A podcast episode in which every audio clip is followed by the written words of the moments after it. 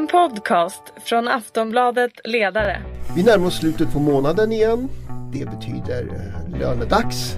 Eh, både i plånboken eller på kontot säger man väl numera och här i studion på Aftonbladet. Eh, lönedags är ju Aftonbladets ledarredaktions podd om arbetsmarknad och ekonomi som de riktigt minnesgoda kommer ihåg att, att man sa när, när det var Ekoredaktionens jobbet förr i tiden. Eh, så mycket ska det inte handla om men vi ska i vart fall gå in i avtalsrörelsen som pågår just nu. Till min hjälp har jag eh, Susanna Lundell, chefredaktör Kommunalarbetaren. Jajamän. Eh, Tommy Öberg, författare, journalist, veteran när det kommer till att kommentera svenska avtalsrörelser. Ja. Ja. Och själv heter jag Ingvar Persson.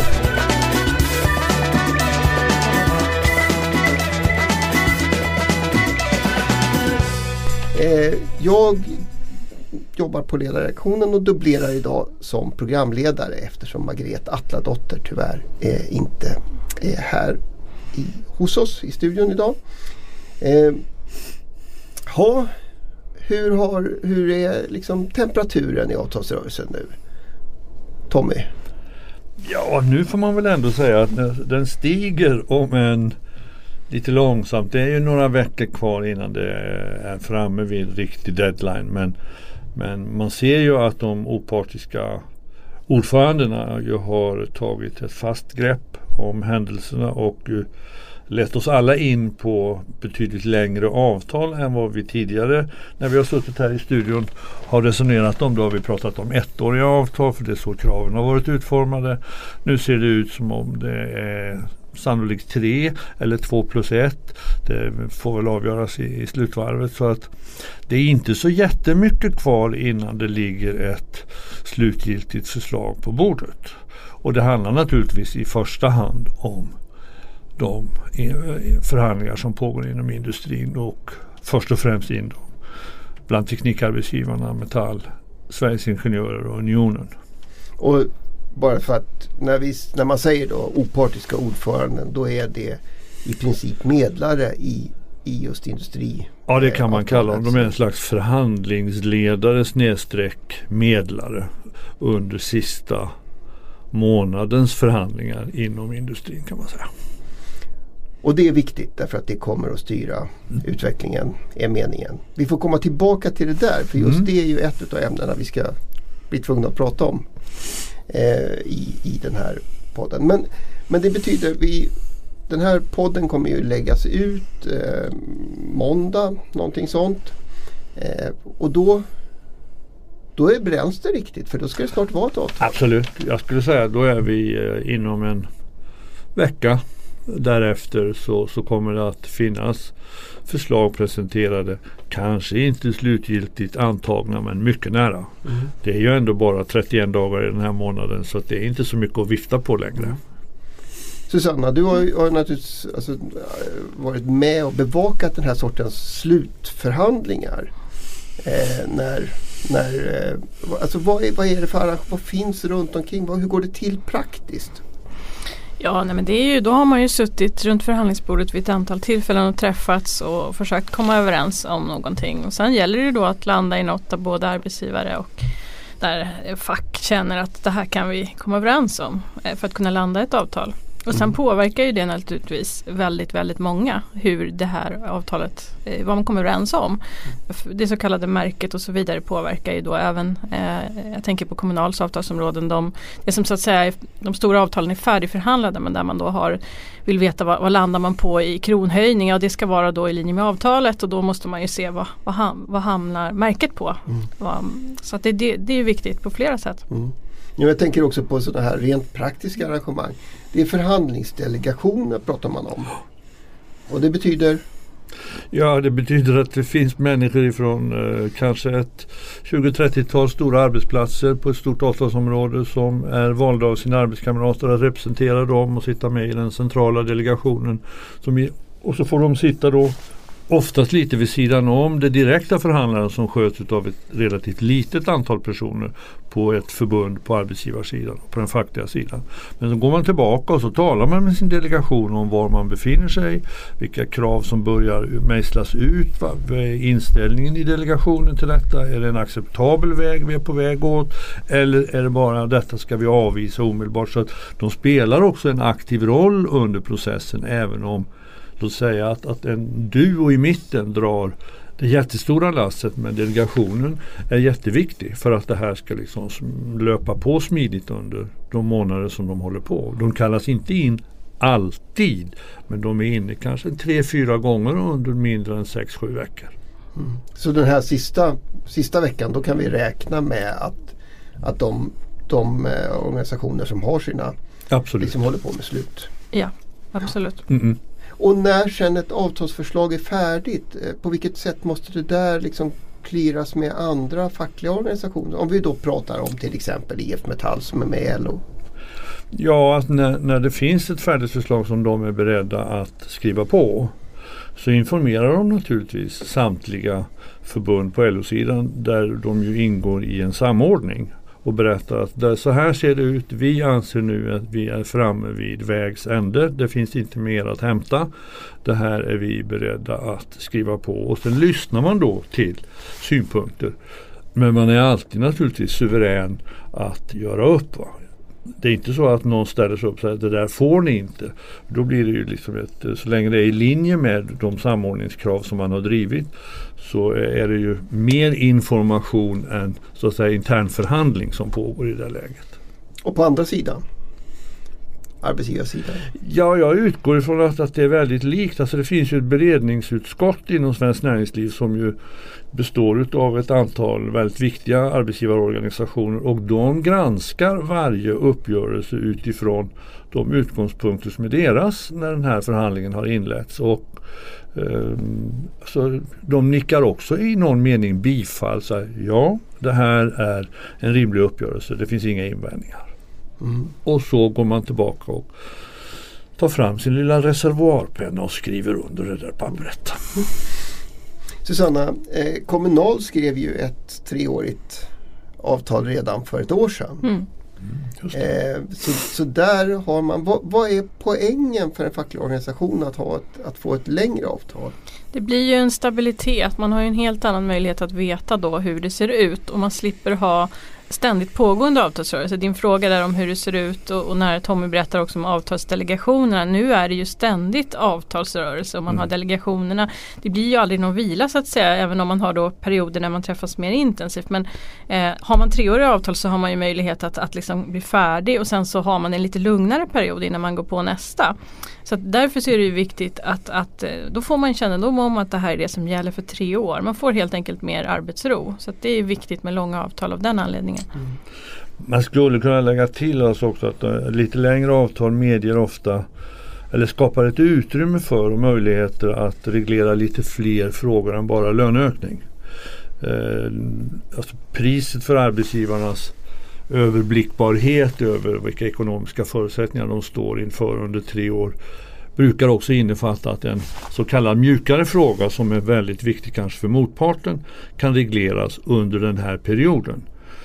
Så länge det är ett år i avtal så skalas nästan alltid allting annat än löneökningar bort.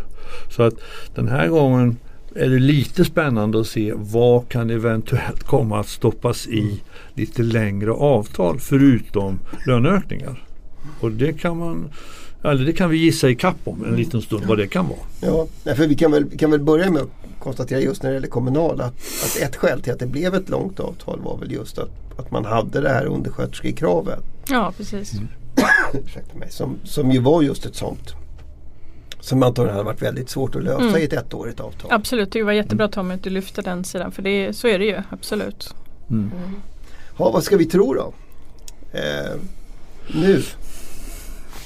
Ja, om du menar du längden så, så, ja. så, tror jag att det blir eh, mer än ett år. Jag mm. tror två plus ett. Mm. Att sista året är uppsägningsbart ja. men att det blir treårsavtal. Det är min gissning. Och vad ska vi tro att man försöker få in i det här då?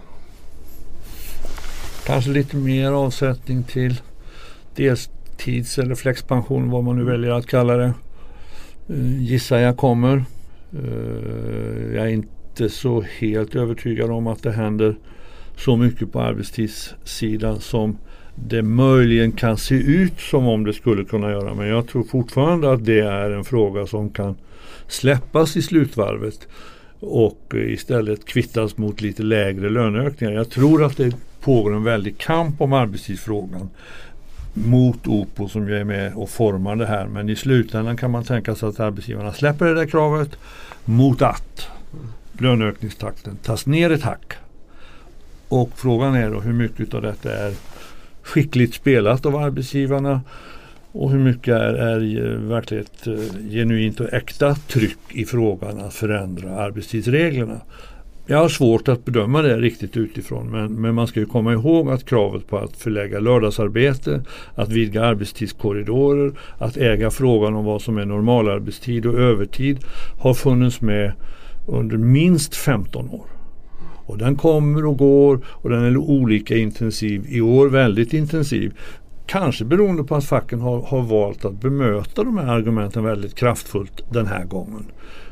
För jag tycker inte att arbetsgivarna har formulerat sig på något särskilt nytt sätt. Utan allt handlar om att öka flexibilitet, stärka konkurrenskraft, förbilliga arbetstiden. För det är ju det det ytterst handlar om. Det som är normalarbetstid är ju avsevärt mycket billigare än att betala övertid. Så att flexibilitetsmöjligheten finns ju nu. Men den är dyrare eftersom du måste betala övertid. Mm.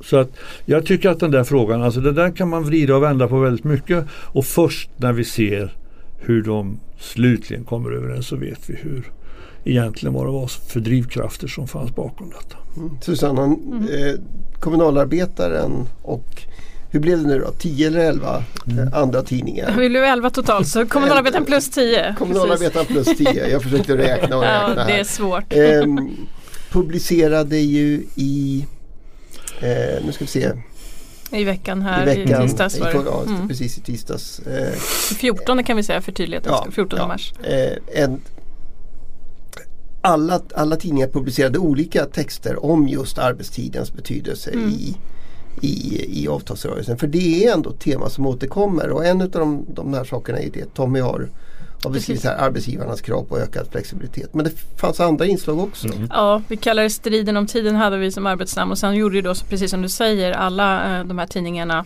gjorde sina egna då. Vad har man för stora problem inom sina avtalsområden? Och det man kan då, om man ska försöka ge någon, någon samlande bild så är det ju en väldigt dragkamp om arbetstiden där arbetsgivarna försöker flytta fram sina positioner. Mm. Man försöker till exempel på industrins sida säga att det går bra att ta semester andra delar av året än precis på sommaren, maj och september också. Eh, på Kommunals och på hotell och restaurangs, vissa av, av deras eh, avtalsområden så, så finns ju problematiken att man då schemalägger folk och att man då väldigt sent får reda på sitt schema. Mm. Kanske fyra veckor innan får man veta hur man ska jobba. Och det kan vara jättesvårt i till exempel hotell och restaurangbranschen kan det vara nog så viktigt det här med hur man jobbar, när man jobbar, precis som lönen. Alltså där är den frågan oerhört stor. Eh, vi ser på andra avtalsområden transport och eh, fastighet har, har man haft problem med hyvling har det varit en stor fråga. Så det har varit många olika aspekter men mm. om man tittar på det totalt så när ska man jobba och hur ska man jobba och här vill arbetsgivarna kunna bestämma mycket närmare in på och ge besked mycket senare vilket då ställer stor, eh, blir väldigt jobbigt för de människor som jobbar. Genom till exempel eh, Kör man buss till exempel att man då inte vet hur det ser ut. Hur ska man få ihop det med livspusslet med hämta och lämna på förskolan och sådär. Så Därför så är arbetstidsfrågan väldigt, väldigt viktig i många, många branscher. Mm. Mm. Och, och, och som sagt det finns ju det är också då, menar, på en del håll så är det arbetsgivarna som ställer krav eller i en del sammanhang en del krav därifrån. Men det är också fackliga krav då till exempel Eh, Absolut, att få veta i god tid innan när man ska jobba, kanske mer än fyra veckor innan och att man i alla fall sätter den senaste gräns. Mm. Så att man inte tänjer på det där för att var är annars slutet? Då är det i mm. princip att man ska kunna ringa in någon när som helst. Mm. Och då har ju arbetsgivaren, då förfogar man ju över hela, eh, inte bara arbetstiden utan även den privata tiden. Och då blir man ju någon slags kanske slav under mobilen att man hela tiden väntar på när det ska ringa. Eh, mm. om man drar åt det hållet. Så, att, så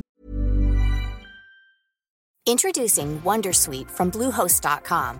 Website creation is hard, but now with Bluehost, you can answer a few simple questions about your business and get a unique WordPress website or store right away. From there, you can customize your design, colors, and content. And Bluehost automatically helps you get found in search engines like Google and Bing. From step-by-step guidance to suggested plugins, Bluehost makes WordPress wonderful for everyone. Go to bluehost.com/wondersuite. Därför är det verkligen en dragkamp. Mm.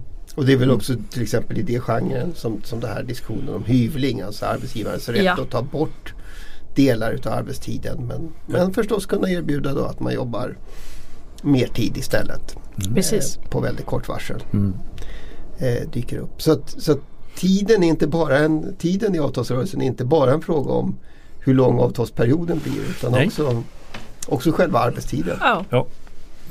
Fast det är ändå frågor som där de fackliga organisationerna är, är väldigt Ja, om man nu ska kanske säga så. Framgångsrika i att hålla emot. Mm, Det, det är inte så lätt för arbetsgivaren att få gehör för att ta sommarsemester i slutet på september eller som Sanna är inne på liksom att man ska få veta med väldigt väldigt kort tidsspann i förväg att du ska jobba sig eller så.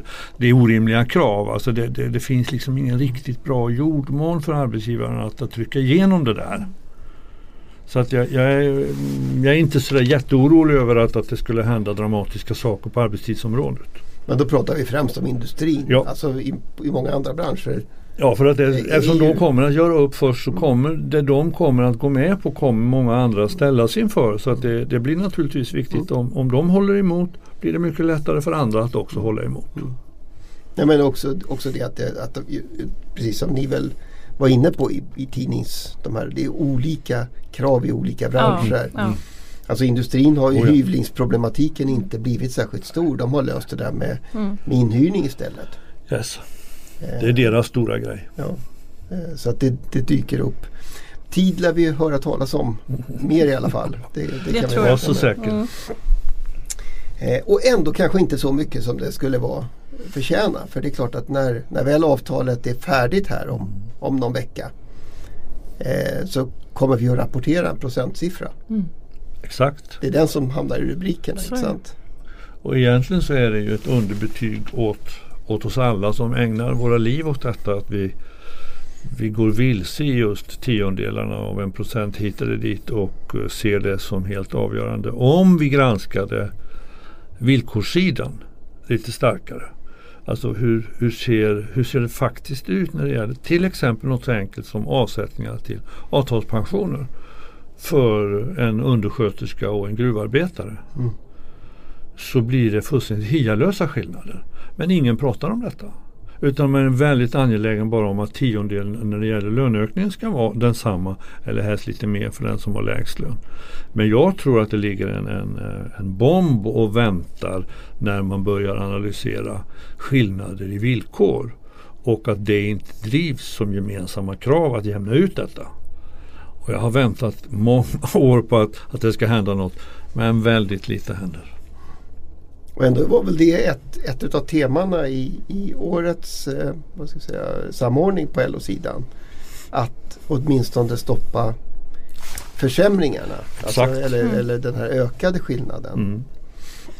Och kanske är det då steg ett. Nästa steg borde ju vara då att, att på allvar undersöka hur stora skillnaderna är och vad kan vi enas om är rimligt att vi står upp för gemensamt. Förutom lönekravet. Men vi är inte där än. Men jag, jag, jag tror att det är en viktig diskussion som väntar. Mm.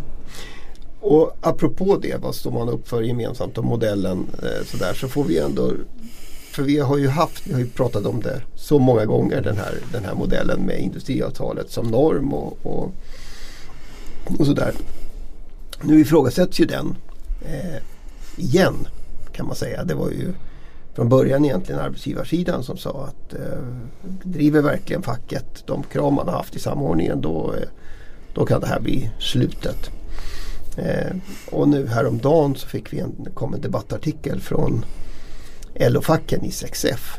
Mm. Eh, som ju ganska försiktigt men ändå antydde att eh, ja då får vi väl hitta på något annat om, om det nu är så att det inte går att lösa till exempel öka eller minska eh, löneklyftorna eller, eller sådär. Mm. Är vi på väg mot en annan lönebildningsmodell? Det där är ju 10 000 kronors frågan om, om Men alltså alla system ruttnar förr eller senare. om det inte släpps in en massa luft i dem. Och kanske är det här 6F-initiativet ett sätt att lyfta upp alla de beståndsdelar som nu har styrt i 20 år och eh, syna det på, på allvar. Alltså vad är det för styrkor? Vad innebär det för hinder för relativlöneförändringar, satsningar på kvinnodominerade avtalsområden, lågavlönade för att hänga med tjänstemännens löneutveckling och så vidare. Det står i slutet på den där debattartikeln om att, att analysen kan mycket väl landa i att det här är det bästa systemet som går att åstadkomma. Uh, och, eh, så, så de öppnar ju för att inte liksom slänga ut barnet med badvattnet utan eh, på ett seriöst sätt gå igenom 20 års erfarenheter utav detta och var är vi nu och vart vill vi? För det finns ju en grundfråga som de, jag tycker, glider lite förbi och det är ju att märkessättningen när industrin styr är ju att fram, förhandla fram ett märke för löneökningarna som är sektorsanpassat det ska passa industrin framförallt. Mm. I den gamla LO-SAF-modellen för 40 år sedan så förhandlade man också fram ett märke men det var anpassat till hela arbetsmarknaden. Vad tålde den? Och utifrån det blev det strukturomvandlingar och arbetslöshet där och lite eh, sysselsättningsökning där. Nu har vi bytt märke. Nu har vi ett sektorsmärke istället för ett nationellt märke. Och det där tyckte jag inte att de de blev inte tydliga på vilket ben de står i den frågan. De, de snubblar förbi det lite. Mm. Men kanske är det så att de, när de är färdiga om ett år eller vad det nu kan ta så kanske de levererar ett svar utifrån sina utgångspunkter om vad de tycker att det ska vara. Mm. Vi får väl se. För det är väl också så att man kan säga att den här, den här modellen Alltså till del är det ju naturligtvis upp till var och en utav parterna att, att liksom tolka den och, och försöka argumentera för sin sak. Mm. Men så har vi ju det här med regelverket, det statliga regelverket och Medlingsinstitutet och, mm. som liksom bygger på att det här fungerar. Eh, så medlaruppdraget skulle bli rätt svårt om, om det här börjar ifrågasättas på allvar. Ja, finns det inte en uppslutning kring märket eh, eller helt plötsligt att det finns flera märken då vet jag inte längre om hur Medlingsinstitutet ska tolka sitt uppdrag då måste vi nog eh, ta en generaldiskussion om alltsammans igen. Alltså hur, att vi bestämmer då vad det är som är det överordnade och det som är riktmärket för alla. Så att det är väldigt mycket som, som skakar om man börjar ändra på någon av de här viktiga brickorna i botten. Faktiskt. Ja. En sak till tänkte jag att vi ska försöka hinna med här innan det är dags att avrunda. Eh, nästa gång vi träffas sen så är det ju, då finns det ju sannolikt ett avtal mm. att kommentera och, mm.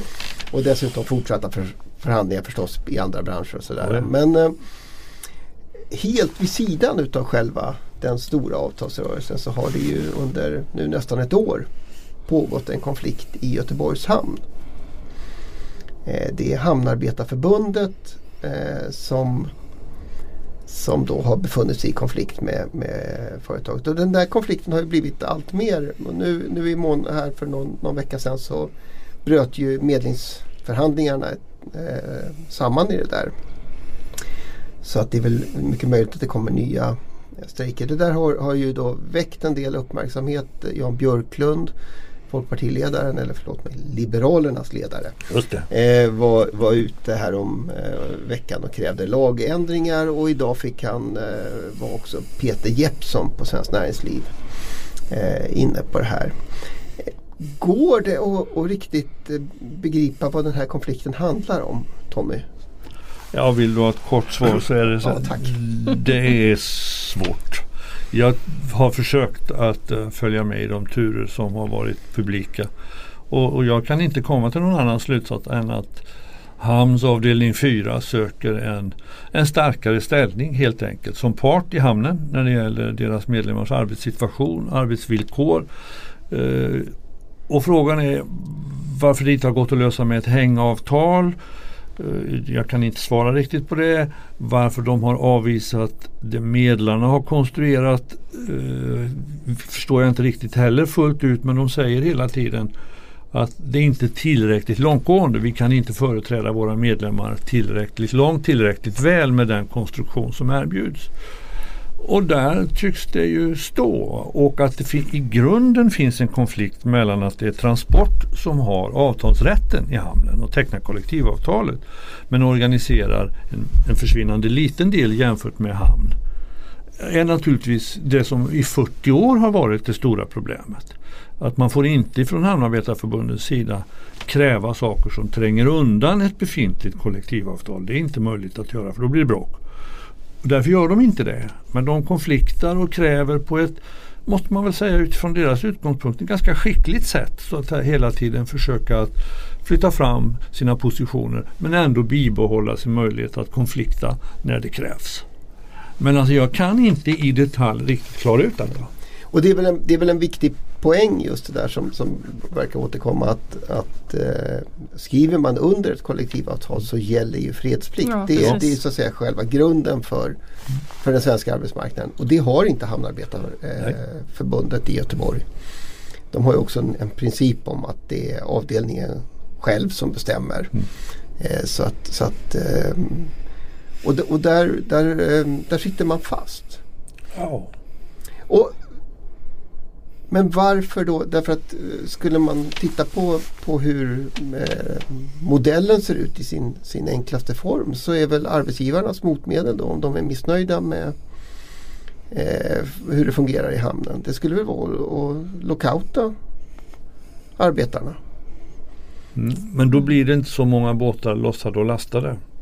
Nej. Och det tror jag är ett, ett jättebekymmer i, i det här fallet och jag tror att det finns ett starkt tryck mot Göteborgs hamn och eh, det här företaget som sköter den här containerhanteringen att alltså det handlar ju om exportens möjligheter och även importen. Alltså det, det, är ju många som protesterar nu att de har varor liggande i containerhamnen för många miljoner som de inte får loss. Va? Och har man då inte väldigt goda ekonomiska muskler så tål man ju inte hur mycket sån här påverkan som helst om man är ett relativt litet företag. Så att jag tror att trycket är starkt från många håll och att då dra till med en omfattande lockout, mm, ja det tror jag är ganska långt bort. Men det är en principiellt besvärlig ja. fråga det som det händer. Svårt. Och samtidigt om det hade handlat om, om ett bageri eller någonting sånt där då hade, då hade vi kanske inte hört talas om det på det här sättet. Därför att det är också en nyckelfunktion i, det i tror ekonomin. Jag. Ja, det tror jag. Att det handlar om mycket pengar. Alla varor som inte kan lossas mm. och lastas. Ja. Mm. Det återstår att se. Det, det, finns ju medlare utsedda. Det är så att säga allt, allt det där. Hela den, allt är på plats. Allt mm. är på plats. Uh, så får vi se vad, vad som händer. Men det är väl mm. inte omöjligt att det här blir en politisk eh, fråga till slut om inte, om inte parterna hittar en lösning. Ja, jag inbillar mig i alla fall att det är det som har fått en del utav industrifackförbunden centralt att uttala sig ganska skarpt i den här frågan. De ser med, med viss rädsla på att det kan leda till att tidigare krav som har funnits bland flera av alliansens partier om att inskränka möjligheterna till konflikter på nytt kan liksom dammas av och uh, man kan ta hamnkonflikten som utgångspunkt för att uh, få till stånd en ny diskussion om detta. Och krav som också Svenskt Näringsliv har ställt sedan, ja, sedan tidigare. Ja. ja, de vill ju i princip förbjuda sympatiåtgärder. Mm. Och införa proportionalitetsregler. Och uh, den där diskussionen har ju varit relativt lågmäld nu under en, en period. Det här kanske kan trigga igång den igen. Det återstår att se. Mm. Det återstår också att se eh, åtminstone där vi sitter nu, eh, precis hur eh, förhandlingarna slutar. Men det är nära nu så eh, det blir spännande. Mm. Vi kommer att återkomma nästa gång det är dags för lön och då har vi som sagt också med all sannolikhet mm. några avtal att kommentera. Mm. Stort tack Susanna Lundell. Tack. Tack Tom Öberg. Tack så mycket. Och tack till er som har lyssnat. Eh, nu är det bara att vänta.